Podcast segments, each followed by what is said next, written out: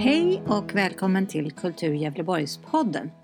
Det här avsnittet ska handla om Kulturtinget 2019.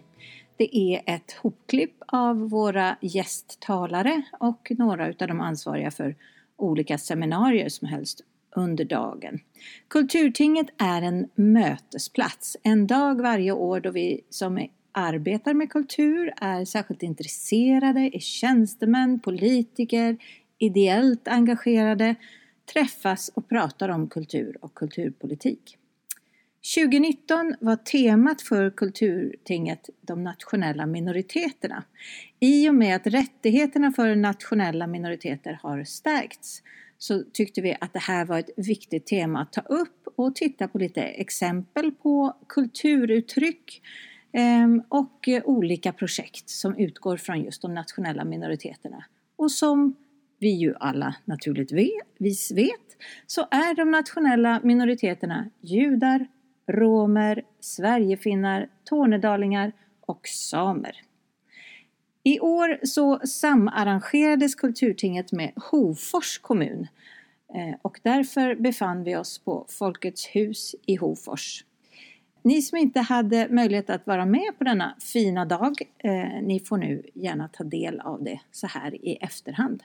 Varmt välkomna till Kulturtinget 2019, lite retroaktivt.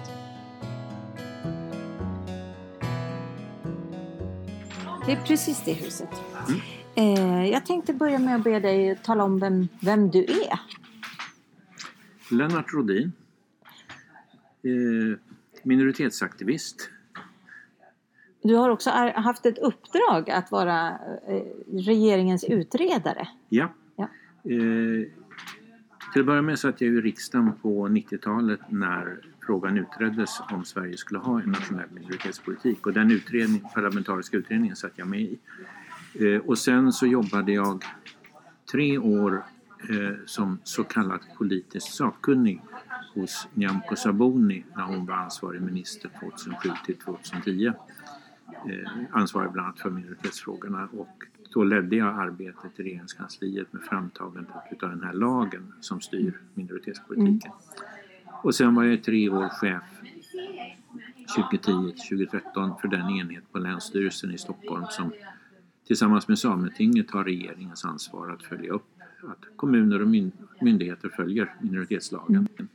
Du har ju fortfarande fingret på pulsen märks mm. väldigt tydligt. Så att även om du har gått i pension mm. så, så följer du frågorna och är väldigt uppdaterad. Jag, tänker, jag jobbar heltid med det här. Ja, jag förstår det. Jag tänker, nu har det inte varit den här skärpta lagstiftningen eh, kring minoritetsrättigheter så länge. Men märker du någon skillnad? Ja och nej.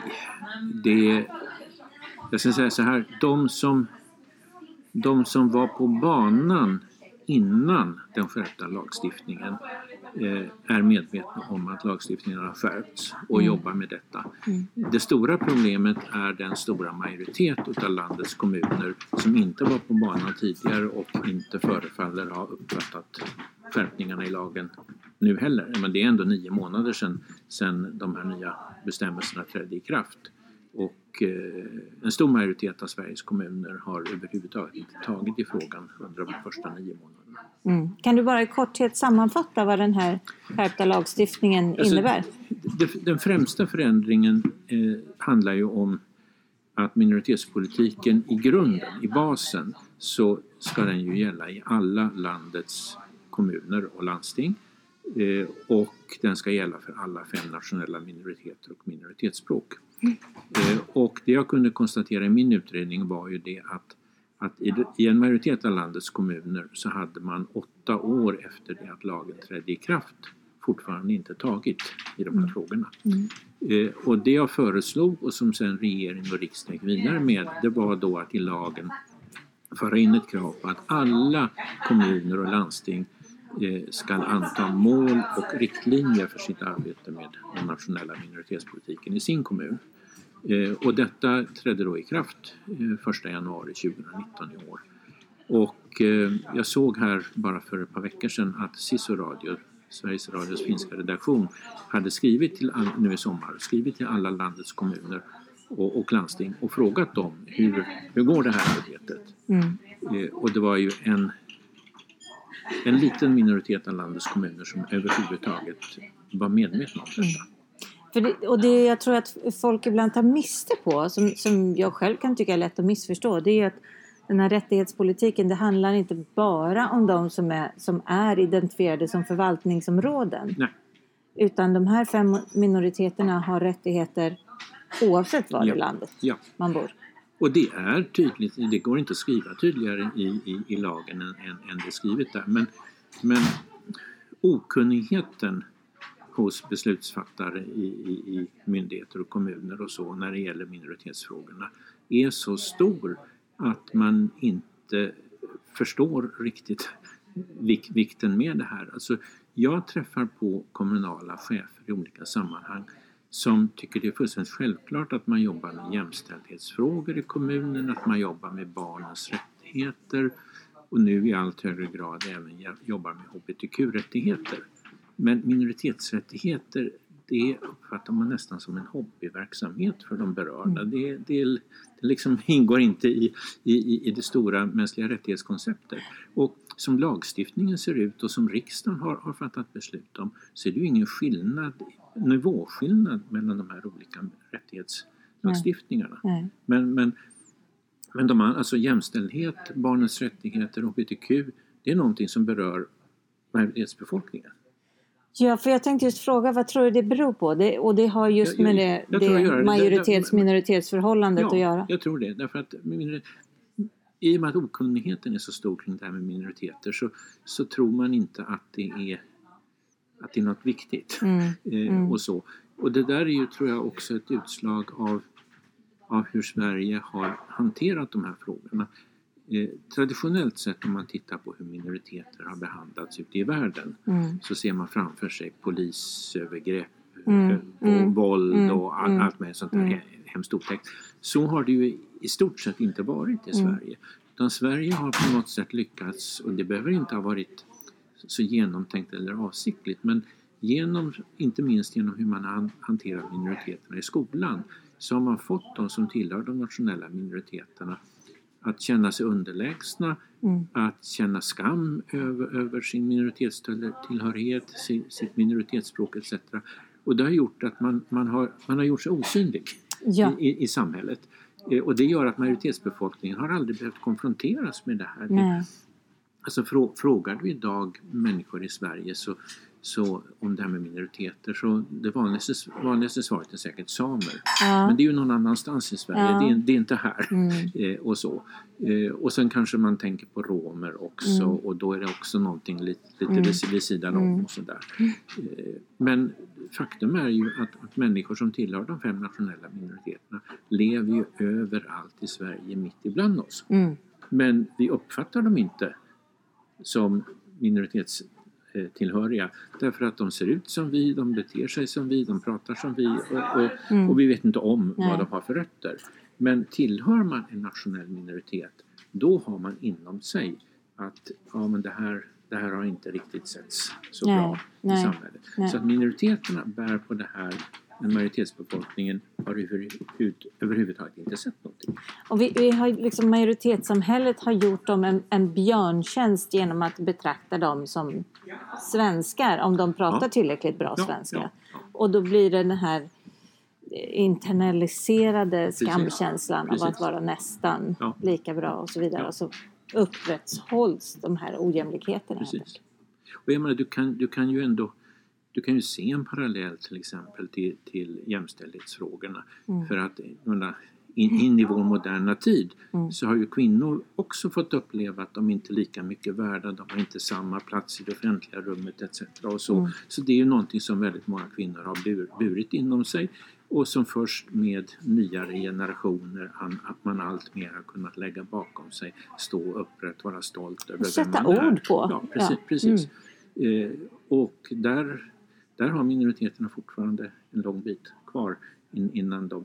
Och jag kan säga det, det som jag...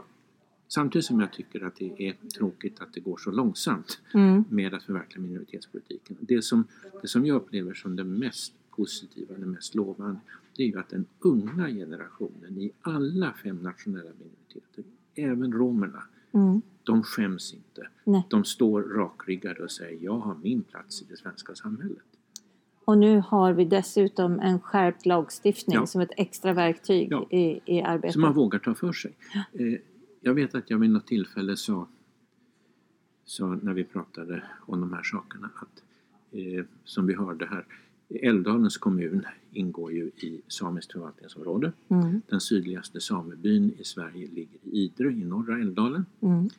Eh, och på kommunhuset i Älvdalen så står det ju då Älvdalens kommun och så står det Älvdalen Tjeltje och på sydsamiska och sådär. Mm. Det är fullständigt självklart eh, och det är ingenting som behöver diskuteras idag.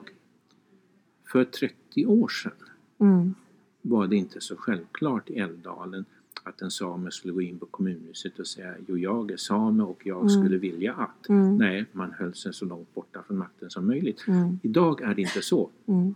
Men i de flesta kommuner i det här landet samma sätt fortfarande när det gäller romer. Ja. De går inte heller in och talar om jag är rom. Det försöker man undvika att folk ska se. Mm. Så det finns ändå tecken på att ut, arbetet Det går, går- det går framåt, framåt, ja. men det återstår en hel del att Ja, göra. och en människas liv är inte så långt. Så det, man kan säga då att, att vi har tid på oss kommande generationer. Ja, men de människor som lever idag. Mm. Mm.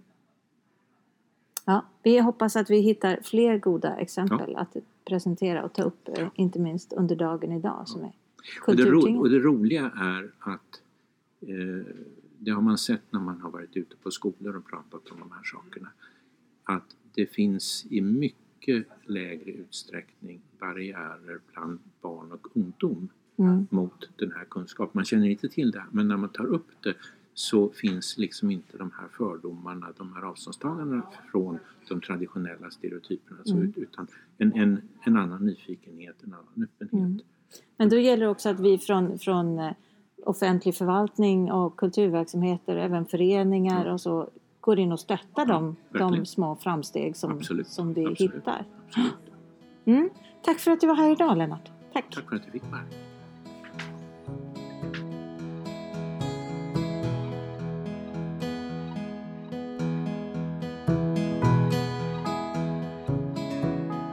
Sådär. Nu då? Där du. Nu, jag kan hålla den där. Ja. Då får jag be dig berätta vem du är. Ja, jag heter Christian Borg och är eh, journalist och förläggare och har gjort antologin Finnjävlar som kom ut 2016. Kan du berätta lite om Finnjävlar? Vad, vad får vi vara med om när vi läser den? Det är en eh, bok med 15 Sverigefinska bidrag. Eh, andra generationens berättelser. Barnen till de arbetskraftsinvandrare som kom hit från 50-talet och framåt. Som berättar om sina upplevelser av att vara finsk i Sverige. Och det är inte jätteupplyftande historier alla gånger.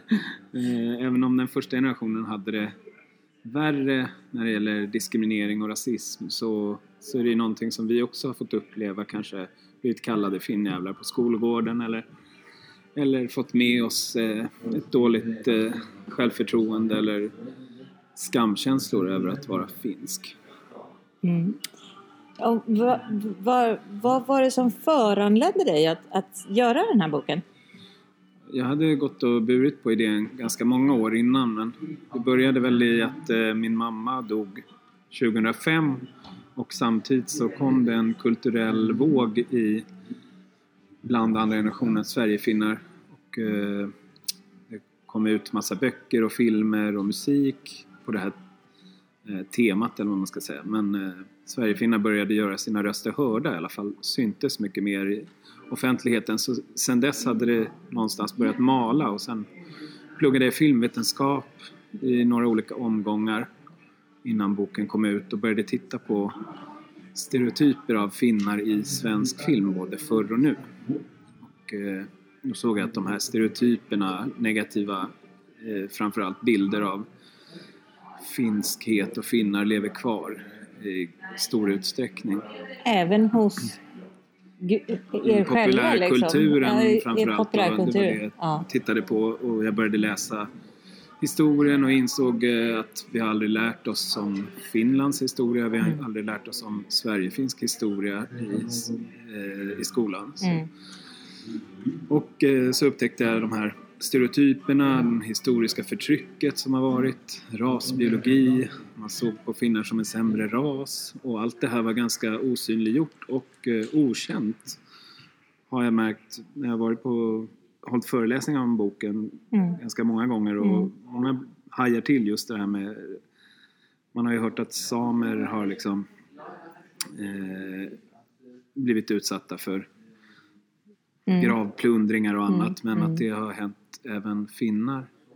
Man, svenska vetenskapsmän åkte till Finland och, och plundrade gravar för att bevisa att svenskar var en, en, en finare ras. Ja, man häpnar.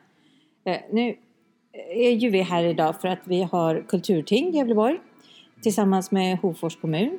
Eh, Och i år har vi temat minoritetsspråk och minoritetskulturer med anledning av att eh, lagstiftningen skärptes den 1 januari i år Mm. som, som, som skydd för minoritetsspråk och stärkte minoriteternas rättigheter. Eh, och Region Gävleborg är ett finskt förvaltningsområde så det, Mm. Det är ett högaktuellt ämne för oss här idag. En sån här lagstiftning, tror du att det hade kunnat göra skillnad om den hade funnits på plats?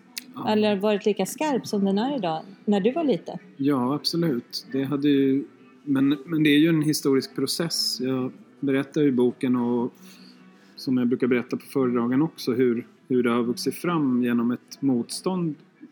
Eh, Man ha- hade en skolstrejk i Rinkeby 1984 till exempel för rätten till hemspråk och så här. Och det var inte förrän då, även om det fanns lagstiftning på plats eh, nästan tio år tidigare så, så räckte det inte det. Utan man har behövt kämpa hela tiden för rätten att prata finska Mm. Sverige och eh, långt in på 80-talet kunde man få höra på barnavårdscentralen att lär inte dina barn finska för då blir de förvirrade. Men det skulle man Mm. kanske inte säga om något annat språk eller om engelska eller något finare språk utan finska har ansetts vara ett fult språk. Så att det är jättebra att det har kommit lagstiftning men det kommer nog ta ytterligare 10-15 år innan den verkligen är implementerad och det har vi ju sett i utredningar eh, som Lennart Rodin hade skrivit eh, att det, det är inte det är väldigt få kommuner som verkligen har genomfört de här förändringarna. Även om de har haft uppdraget länge så är Ja. det många som inte har börjat arbeta med det. Precis. Mm. Mm. Jag blir väldigt stolt över min arbetsplats, Kultur Gävleborg, som arbetar med det finska språkpaketet för små Mhm. barn. Och min, är min kollega som jobbar med biblioteksutveckling, Tinne Wennerholm, hon jobbar jättemycket med det. Att se till att det finns finska barnböcker. Mm. Eh, Som man får då som förälder eller? Ja, det, Mm. finns, det finns att hämta på biblioteket, ett finskt språkpaket. Mm. Eh, jättefint arbete. Och det, Mm. det, det är roligt att höra att det svarar mot ett så tydligt behov. Det har ju funnits ett motstånd i, i de eh, finska grupperna också. Att det har funnits en, eh, en medveten anpassning och att man har liksom inte velat ha de här finska klasserna som fanns tidigare och de var väldigt utskällda och så. Men, men eh, Och varför vill man inte det? jag vet inte, det är så att assimileringen sätter sån stor press på, Ja.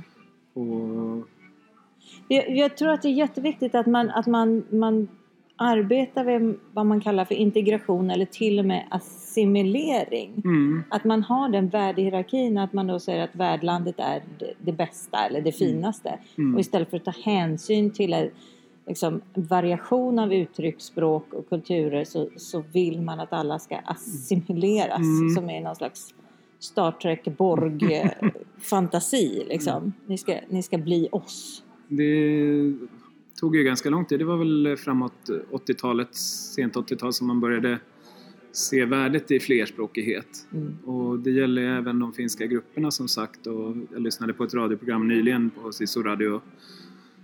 Då, det var någon gång på 80-talet som de ändrade då Sverigefinska eh, riksförbundet ändrade riktning och började kämpa för modersmålet mera. Mm. Så att nu har pendeln svängt ja. lite kanske. Ja, det, det har det väl, men samtidigt kan man ju se hur det kommer från politiskt håll. Eh, assimileringskrav och eh, Mm. att man inte värderar modersmål vissa svenska kommuner som halverar budgeten till modersmålsundervisningen och sådär. Mm. Så, att det, Så det, en det är fortfarande en utveckling. het politisk fråga? Ja, det är det och det här med svenskhet och definitionen av vad svensk är, den krymper ju kan man ju se. Det, samer och romer är inte riktiga svenskar, Ja. finns det de som säger. Och eh, det gäller ju Sverigefinnar också då, en av de nationella minoriteterna. Så, Det känns väl inte som en hållbar utveckling eh, kanske eh, på sikt. Men hur gör du med dina egna barn? ja, det var en bra fråga. Jag vill mer än vad jag klarar tyvärr och där går det också i arv då, kan man säga. Eller jag fick ju i alla fall lära mig finska och vi pratade finska hemma men det var en sorts köksfinska och det har inte upprätthållits. Vad är köksfinska? Min pappa kallade det för med köksfinska. Man slänger in svenska ord i På finskan tal om hela tiden. värderingar, köket är lite mindre värt. Kvinnodomänen liksom. Det är lite, Ja, vi, kan se ner på det. var han fick det ifrån. Ja. Men, men mina syskon de har inte bevarat finskan så att det så där kan man se hur, hur svårt det är. Och eh, min... Eh, jag har en eh, 22-åring och en 5-åring och när 22-åringen var liten så ville jag att han skulle lära sig finska men det ville inte mamman så det blev det ingenting. Och eh, nu vill jag kämpa för att 5-åringen skulle lära sig det men eh, när jag tar fram en finsk bok så säger han bara tyst och Ja. tycker det är jobbigt. Och det, är ju, ja, det måste ju vara ett väldigt medvetet arbete där kanske den ena föräldern pratar finska eller Det behövs ett hela tiden. strukturellt stöd, tänker Ja, jag. Ett, ja. ett system liksom, Det som skulle ju stöttar. verkligen vara värdefullt om man kunde gå till någon Sverigefinskt sammanhang där man Ja. träffade andra med, med barn Visst. eller med samma utmaningar. Mm. Men eh, ja, nej, det, det tycker jag är lite jobbigt Mm. att jag inte har lyckats förmedla det. Ja, men det kanske inte är för sent. Nej, det hoppas jag inte. Och eh, det handlar ju om min egen finska också. Den Ja. eh, återupptog jag i arbetet med den här boken. Och, Ja. Du kanske har avancerat upp till vardagsrummet nu eller rent av Ja. kontorsfinska? Nej, men ja, alltså sådana här avancerade ord som postkolonial relation och sånt Ja. som är med i boken. Det Ja. hade jag ingen aning om innan. Nej. Sen fick jag föreläsningar i Finland och har boken kom ut på finska på ett finskt förlag. Mm. Så då var jag ju tvungen att plugga in, hur pratar man om de här sakerna på finska? Mm. Så det är en eh, läroprocess hela tiden. Ja. och sen har jag börjat läsa in, eh, jag gör eh, krönikor i Sisu-radio Mm. på finska. Mm. Och det är också jättekämpigt varje gång Mm. den ska in. Mm. Mm. och sitta och översätta då från svenska till finska för jag skriver dem först på svenska. Och sen. Ja. Men eh, jag Det får är mycket lättare om hjälp man har ett därifrån. tydligt mål ändå. Mm. Jag tänkte vi ska, vi ska avsluta med att lämna ett eh, lyssningstips för den som vill veta mer. Du eh, är med och producerar en podd också. Mm. Finnjävlarpodden i Sisu-radio. Mm.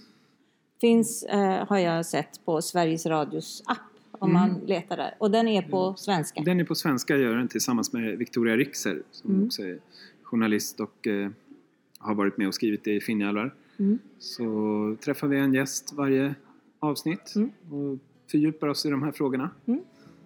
Fint! Ja. Vi tipsar om den. Ja. Tack så mycket. Tack så för att du kom till. Hofors. Tack för att jag fick komma. Hej. Hej.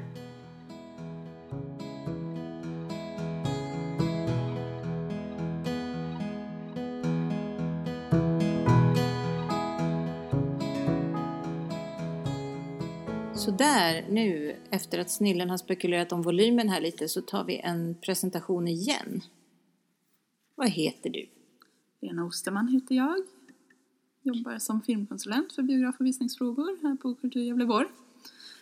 Eh, du var ju ansvarig för ett av eh, seminarierna som vi hade på Kulturtinget i höstas. Kan du berätta lite grann om projektet som, som presenterades i det seminariet? Ja, det kan jag. Um, projektet, eller seminariet, hette ju Sången om den eldröda blomman.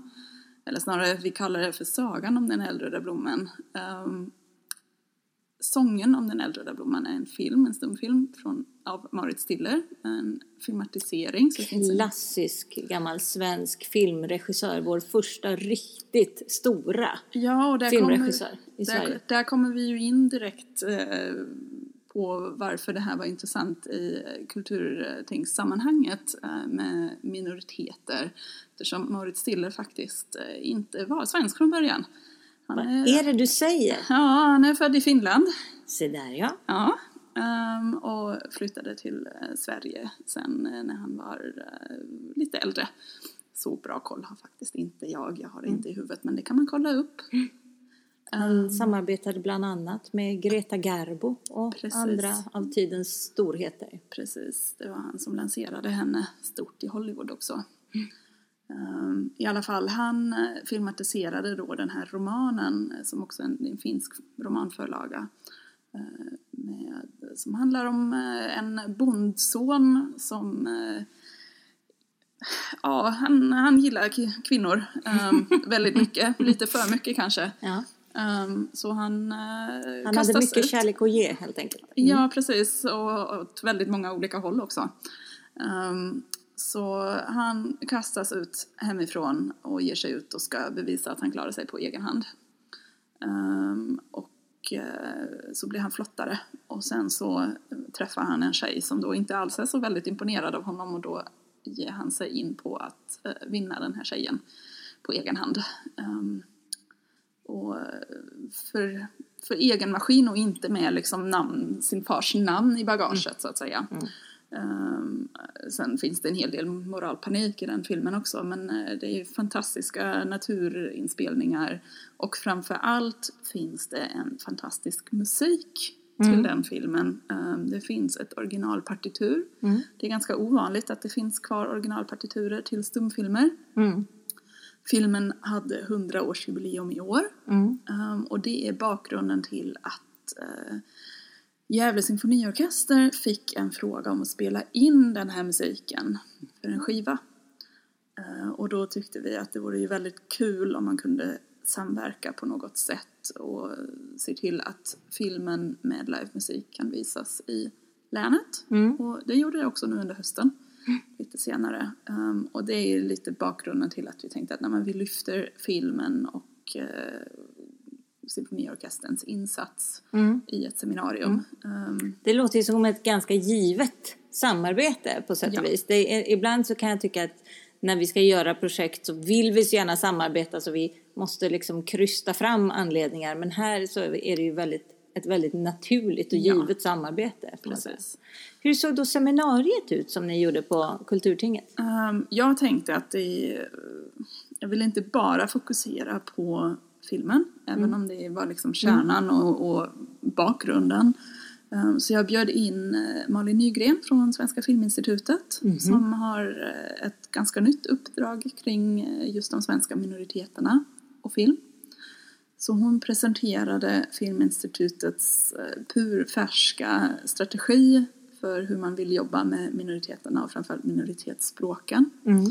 Eh, framöver. Så nu i dagarna så eh, kom det faktiskt ut en resultatet av en filmsatsning, en kortfilmsatsning som heter mm. Glöd. Mm. Där man har letat efter olika manus till kortfilmer eh, som, har, som bottnar i, i minoritetsspråken och minoritetssammanhang så att säga. Ehm, det är faktiskt eh, ett projekt med anknytning till länet också med. Mm, där, mm. Ehm, Julia Kvarnström. Ja, jag som, hörde det. Hon tillkom här om veckan. Precis. Vi är jätteglada ju ja. att ha Gävleborg representerat i Glödprojektet. Precis. Så hon berättade lite, Malin berättade kort om, eh, om det. Um, och om den strategin som man har uh, och det arbetet som hon har gjort. Hon har gjort ganska stort kartläggningsarbete också. Mm. Um, sen hade vi med Örjan Hansers då som är chef för uh, symfoniorkestern. Mm. Han berättade då lite om bakgrunden med inspelningen och om uh, hur man har tänkt och de livespelningarna som man hade med stumfilmen. Mm som då fortfarande var liksom i framtiden men som nu har skett mm. sen dess. Mm. Och eh, sen så hade symfoniorkestern då bjudit in Lasse Siliakos som är uh, en uh, person som har jobbat länge på Operan i Stockholm bland annat mm. som kapellmästare.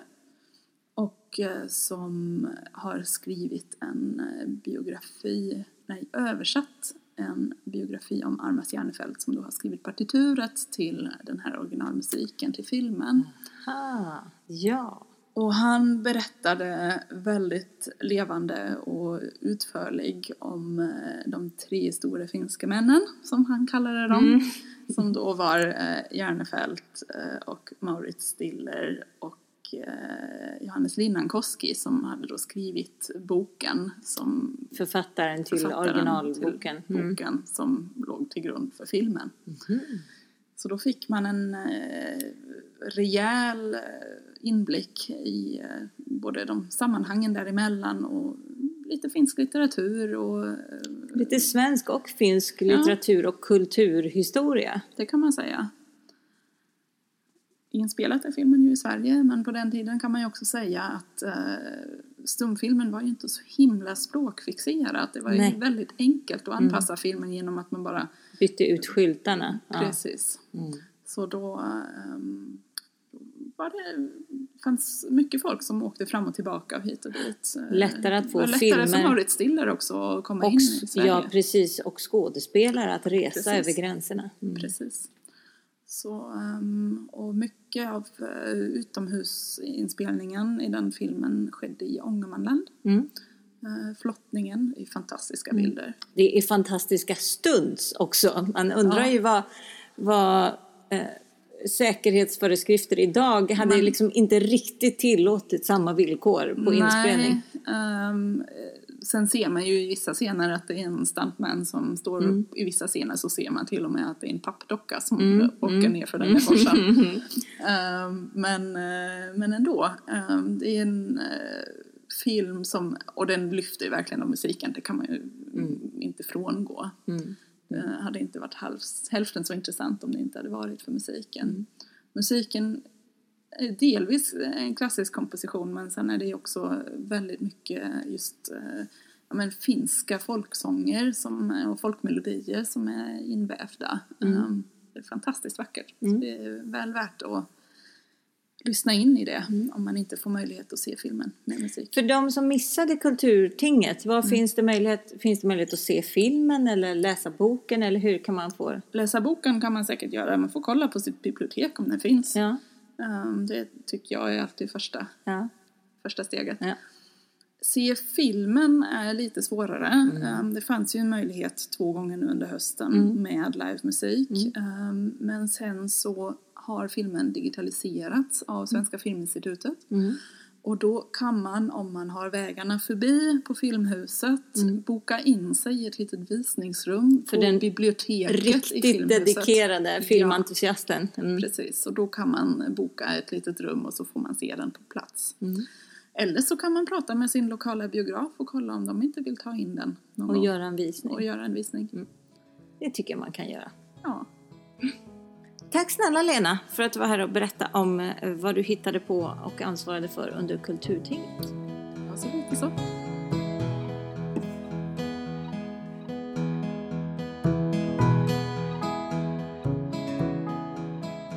Hej! Eh, nu sitter vi här igen, Elinor. Eh, du är ju eh, min kollega och strateg här på Kultur Gävleborg och precis som några av mina andra kollegor hade du ansvaret för ett seminarium under Kulturtinget. Det som vi hade 2019 i Hofors med minoritetsspråk som tema.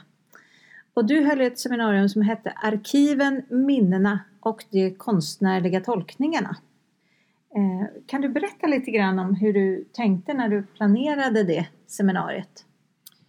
Ja, eh, vi tittade ju i planeringen av eh, hela dagen lite grann på vilka minoriteter är stora i Gävleborg. Mm. Och eh, vi har ju i, kan man säga, i olika vågor genom historien haft inflytt av olika slag från eh, Finland, Mm. nuvarande Finland får Mm. man säga om man pratar historia.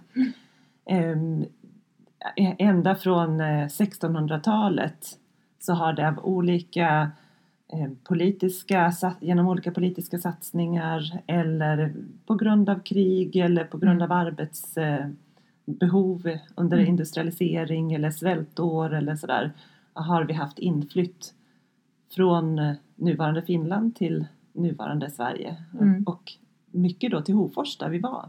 Ja. Eh, och vad hittar man då för minnen i arkiven om man letar? För det jag antar att det var det som var fokus för seminariet. Ja, vi gjorde så att vi bjöd in dels eh, Ulla Ejemar som är arkivchef vid Arkiv Gävleborg som alltså är då allt från privata arkiv till föreningsarkiv till företagsarkiv som förvaras på ett och samma fantastiska Mm. ställe Mm. där det alltså går att gräva eh, utifrån en massa olika tänkbara röda trådar i Gävleborgs historia. Och sen bjöd vi också in eh, två stycken projektledare kan man säga för konstnärliga tolkningar och bearbetningar av olika perspektiv då på finsk, Mm. eh, Sverige-finsk historia. Mm. När man pratar om arkiv då har jag ofta haft eh, fördomen att det är lite torrt, liksom, lite tråkigt. Eh, men Ulla tog till det här seminariet fram eh, olika arkiverade minnen som ge- verkligen ger liksom, lukt och smak nästan åt eh, framförallt krigsbarnen som kom och deras situation. Du hade några exempel här. Ja precis, eh, jag kikar just nu på eh, tidningsurklipp och brev och sådana saker som finns bevarade eh, från eh, de åren när vi tog emot väldigt många krigsbarn i Gävleborg, krigsbarn från Finland.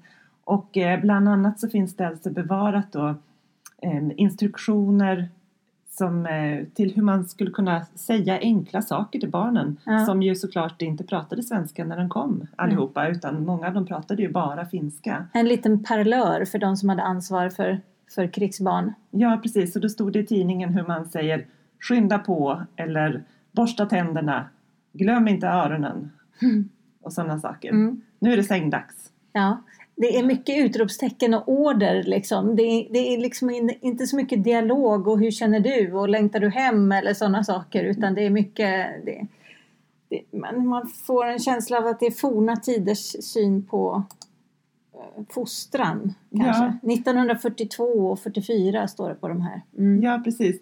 Det finns också eh, en lista till exempel i Ovanåkers socken inför placering. Mm. När man då hade tagit emot barnen och skulle placera ut dem i olika familjer så finns det en, en lista på önskemål. Och en del vill ju ha flicka 1 och ett halvt till 2 år till exempel. Andra vill helst ha pojke 10 till 12. Så Ja. man kan fundera vad det handlar om. I, da- I dagsläget hade vi kanske tänkt att det har att göra med åldern på de egna barnen som man redan har. Men eh, Det handlar om arbetskraft ibland helt enkelt. ja, det skulle jag Mm. tro att det gör. Alltså jag, det, min enda relation till den här situationen är ju liksom Astrid Lindgren-böcker och, Mm. och när, när de pratar om hur det är på barnhemmet och att alla bara önskar sig flickor med lockigt hår. Men, men eh, ja, det, det är spännande att se, se de här spåren av verkligheten som finns bevarade i de här önskemålen och de här instruktionerna. Och, mm. Mm. Och det som jag skulle säga att mycket av samtalet kommer att handla om för att förutom Arkiv Gävleborg var ju även Skottes musikteater närvarande i form av eh, deras konstnärliga ledare Kalle Serpe Mm. som ju då har tagit fram en fantastisk eh, teaterföreställning eh, om just krigsbarn. Mm. Eh, och det som eh, konsten kan göra pratade vi mycket om. Det är ju att just ge kött och blod till de här berättelserna som man kan ana bara i form av listor och offentliga handlingar Mm. eller privata brev eller sådär. Mm. De som på något sätt skapar den där utfyllnaden som gör att vi förstår att det blir en, en känsla, en berättelse, ett subjekt. Och Mm. i det här fallet handlar det ju om en nationell minoritet, Mm. eh, Sverigefinnar, som eh, kanske inte syns i majoritetsberättelsen Nej. från en plats eller från en tid eller så. Men genom att vi har arkivhandlingar bevarade och eh, lägger på då konstnärliga tolkningar på det så får det liv Ja. och får ett utrymme som gör att vi kan förstå människor. Jag tänker också att det, det är svårt att, att få rösterna från de barnen från den tiden om det, det de får lära sig är tvätta öronen och, och Mm. borsta tänderna. Att det är den kommunikationen man har. Det... Ja, verkligen. Och det vittnade de också om under samtalet. Eh, både Kalle och eh, Ulla. Eh, till exempel så berättade Ulla om eh, en utställning som de har gjort utifrån det här arkivmaterialet som vi också hade med under Kulturtinget. Och eh, hur några, när de har gjort pedagogiska aktiviteter kring utställningen, hur några har kommit och berättat eh, om sina egna erfarenheter och det visar sig att de inte förut ens har sagt, sagt någonting till sina partners mm. eller sina barn eller så mm. under 40 år, 50 år. Det har blivit en glömd historia, en glömd och gömd historia på något Ja, sätt. kanske mer gömd än glömd skulle mm. jag tro. Mm. Det var även i bland de eh, som satt och lyssnade på samtalet många eh, som vittnade om det här att man inte alltid har kunnat prata om det som har varit. Nej, och det, det ser vi också om jag tittar på ett utav breven som, som var med här som ett exempel ur arkiven. Eh, så, så är det ju någon som eh, från en central organisation har kommenterat att de, de nästan har det för bra de här finska krigsbarnen. Det är som svar till herr kassör Lars Töpfer i Alfta. Med tack för ert brev med matsedlar måste jag säga att de finska barnen synes ha hamnat i ett verkligt gott pensionat. Dieten är av en klass att vi i städerna ändå lite var måste avundas de finska barnen och stadsbarnens vägnar. Och sen kommer det eh, eh från då eh, den här avsändaren en, ett råd om att kanske dra in lite på maten. Det är bra att barnen har det bra men de får inte ha det bättre än de svenska stadsbarnen. Det är väl att ta Alltså det känns som att det finns en värdeskillnad mm. eh, på hur man betraktar barnen eh, i den här kommunikationen om man läser lite mellan raderna. Mm. Och man kan ju också hitta privata brev, alltså brev från då barnen när de för många åkte ju inte bara en gång till Sverige utan åkte flera gånger. Man mm. fick resa lite fram och tillbaka. Och eh, då längtan åt båda hållen eller språkförbistring eller mm. att också förlora sitt språk. Mm. Så att när man då kommer hem och återser sina föräldrar efter flera år ifrån varandra inte har riktigt har... samma språk. Nej. Mm. Och väldigt många sådana aspekter har ju också konsten i den mm. konstnärliga tolkningen av arkivmaterialet möjlighet att, att lyfta och synliggöra på olika vis. Och det är intressant det här vad det är att berätta en, en sann historia. Mm. Måste den vara absolut sann eller kan den fiktiva historien utifrån ett eh, arkivmaterial mm. Mm. göra att vi på något sätt når den där sanningen som inte är bevarad? Ja. Ja precis, hur dokumentärt måste det vara för, ja. att, för att ändå gestalta någonting verkligt? Ja, det är mm. jättespännande. Um, mm. Jag tänker på i, i Kainos sång um, som var väldigt aktuell då i höstas, höstas och som jag vet att det är många som frågar efter.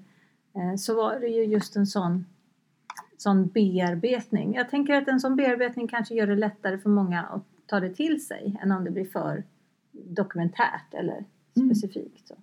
Och också genom att man låter historien gå lite grann så ju mer specifika vi blir ju mer kanske allmänmänskliga blir vi också. Mm.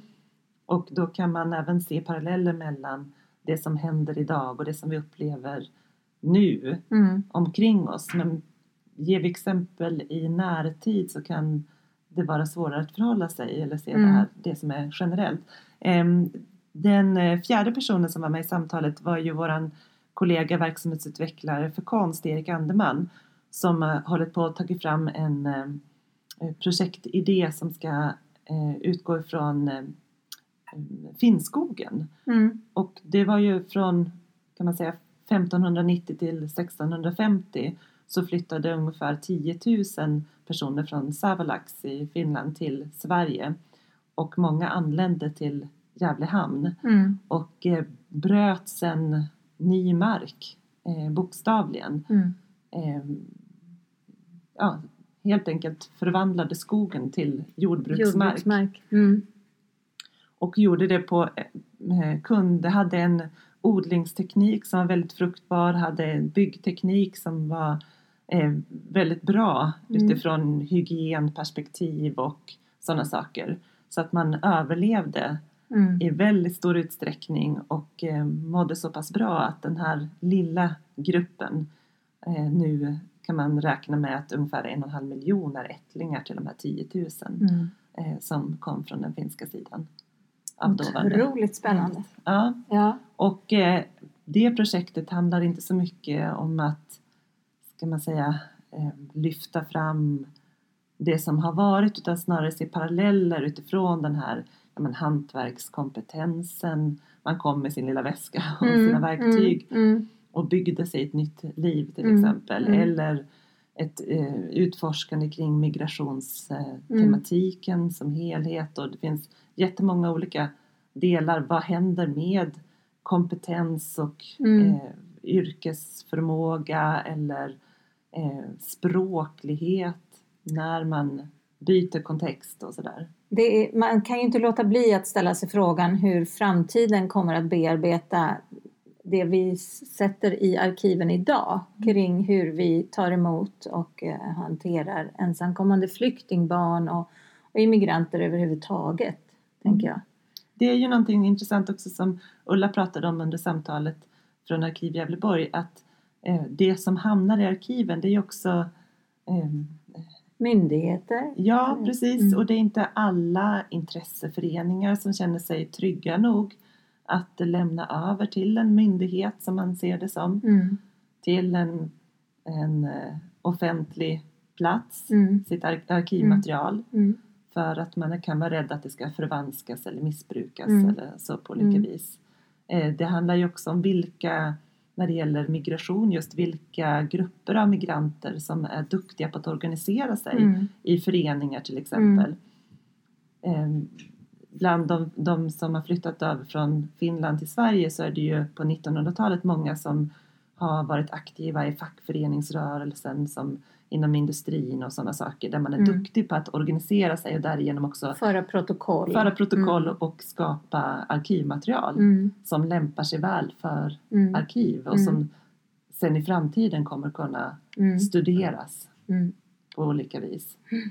Medan andra grupper, andra minoriteter som ju kan ju till och med vara så att man är angelägen om att sudda ut spåren lite Ja. grann. Ja. Eh, Så att det är ju jättespännande att fundera på vad som hamnar i arkiven Ja. och vad vi missar. Ja, men det blir till efterföljande generationer att sätta tänderna i det, tänker jag. Mm. eh, De arkiv vi skapar idag. Men då har vi eh, fått en ganska gedigen bild av vad som pratades om på seminariet. Så jag säger tack så mycket. Ja, tack så mycket.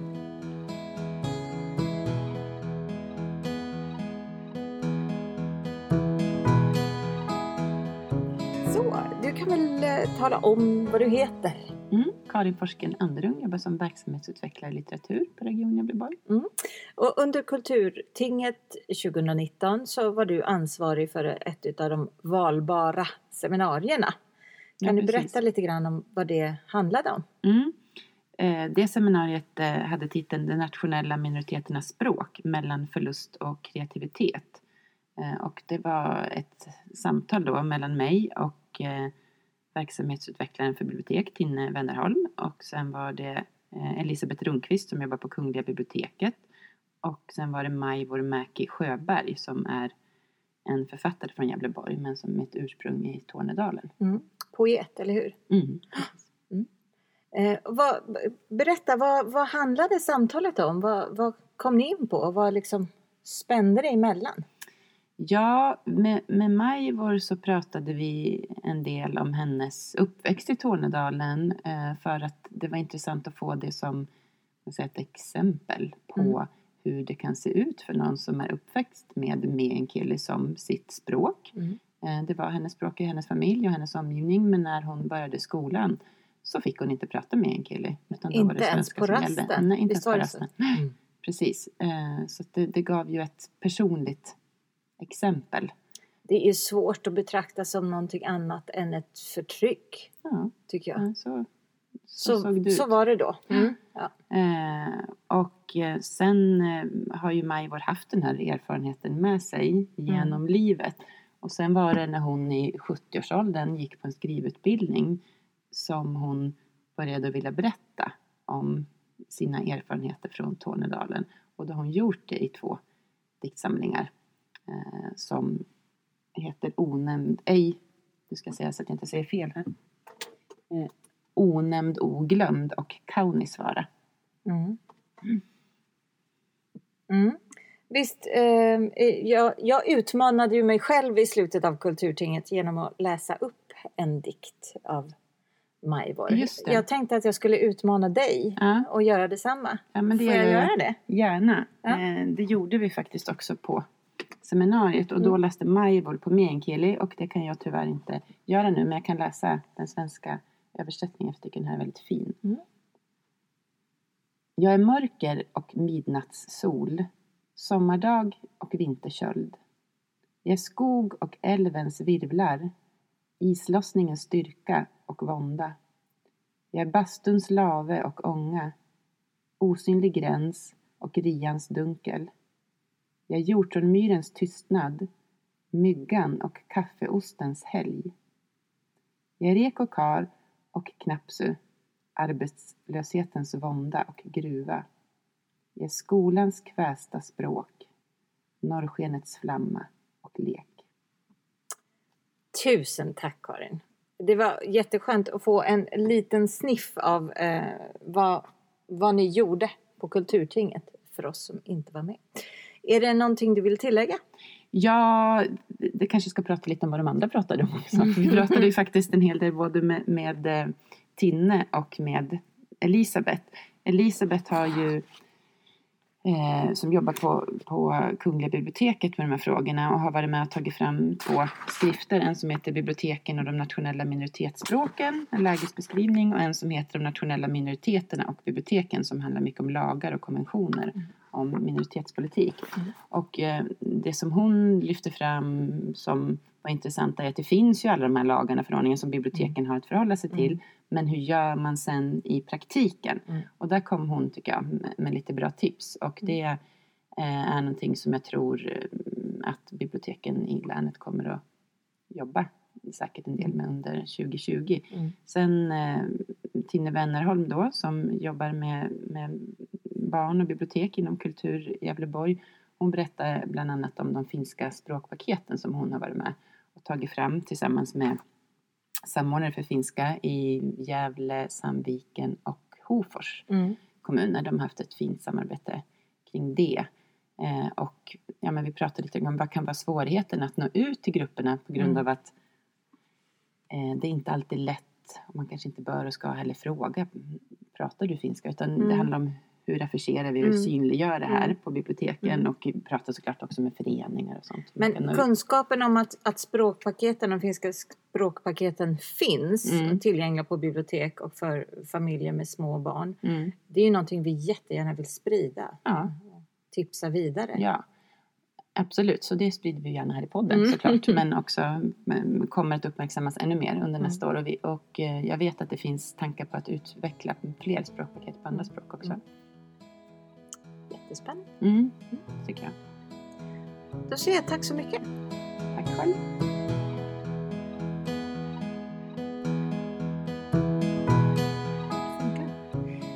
Hej Anna-Karin Färm. Hej! Du eh, är min kollega här på Kultur Gävleborg och du hade hand om ett seminarium på Kulturtinget. Ja, det hade jag. Det var ett väldigt roligt och spännande seminarium för att det var, det var en, att se på minoriteter, minoritetsfrågor från två olika håll. Dels så, jag hade två gäster. Dels så var det Maria Björk från Länsmuseet i Gävleborg som berättade om eh, deras spännande utgrävningar när det gäller sockenlapparna. Sen hade jag eh, Elin Tomasson som är ansvarig för minoritetsfrågor på Hälsinglands museum som berättade om arvet efter Rosa Taikon. Mm. Och de där två delarna var komplett Mm. eh, olika eftersom Mm. Att gå in i Rosa Taikons hem som eh, Hälsinglands museum har fått ta hand om det är ett myller av olika objekt. Allt från små anteckningar till till färdiga smycken, alla pressklipp, allt som hon Mm. sparade på.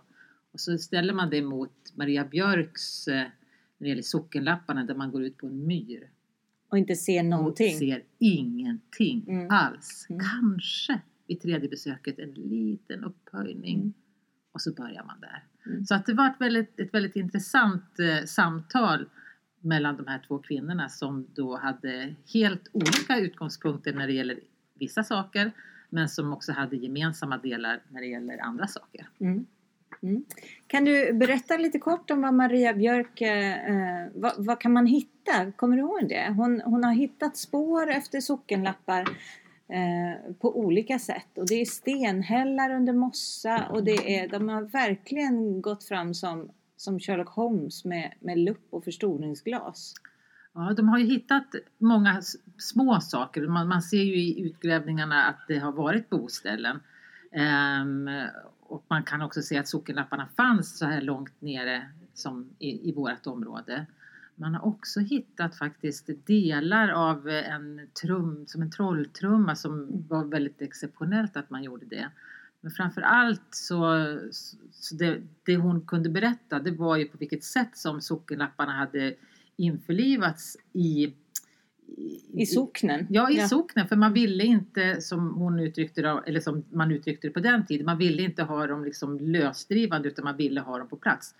Till skillnad från romerna Mm. som eh, Rosa Taikon var en av, och hennes syster var liksom förespråkare för att demokratisera och förstå deras kultur. Ja. Där ville man ju verkligen inte ha dem på plats på den Nej. tiden det begavs utan där fick man bara stanna typ fyra eller fem veckor i någon slags kommunallag som fanns på den tiden. Så att även där så var det helt olika förutsättningar fast för Ja. två minoriteter. Och hur, hur man från, från ordningsmakten och från, från staten och, samhället har gjort skillnad på Ja. folk och skapat olika utrymmen. Ja. Det är också väldigt intressant tycker jag att höra vad man kan hitta om man bara har rätt glasögon på sig, vilka spår som finns. Ja. Ehm, Efter det här seminariet så blev jag så väldigt intresserad och var tvungen att bildgoogla lite på Rosa Taikons smycken. Och de är ju fantastiska. Helt makalösa skapelser Mm. Som är absolut omöjliga att få tag på. Och vilken kvinna! Hon liksom tjatade sig in på Konstfack och sen Ja. gjorde en superkarriär. Ja. Både så politiskt engagerad Och designer. och, och designer. Mm. Eh, ställa ut på Nationalmuseum och samtidigt stå med knuten näve framför Palme. Det är, Mm. det är spännande. Mycket att hinna med under ett liv. Mm. Men, men det är jättespännande att vi har fått så mycket eh, att titta på. Mm. Eh, som man kan se på Hälsinglands museum Mm. i olika Tjugo- utställningar. Ja, och den stora utställningen den öppnar 2021. Mm. Spännande. Mm. Den ska jag titta på. Jag med. Då ses vi där. Absolut, om inte förr. Tack så mycket. Tack. Tack för att du har lyssnat på Kultur Gävleborgspodden. Om du vill komma i kontakt med redaktionen kan du mejla till kulturpodd med 2D kulturpodd snabel regiongavleborg.se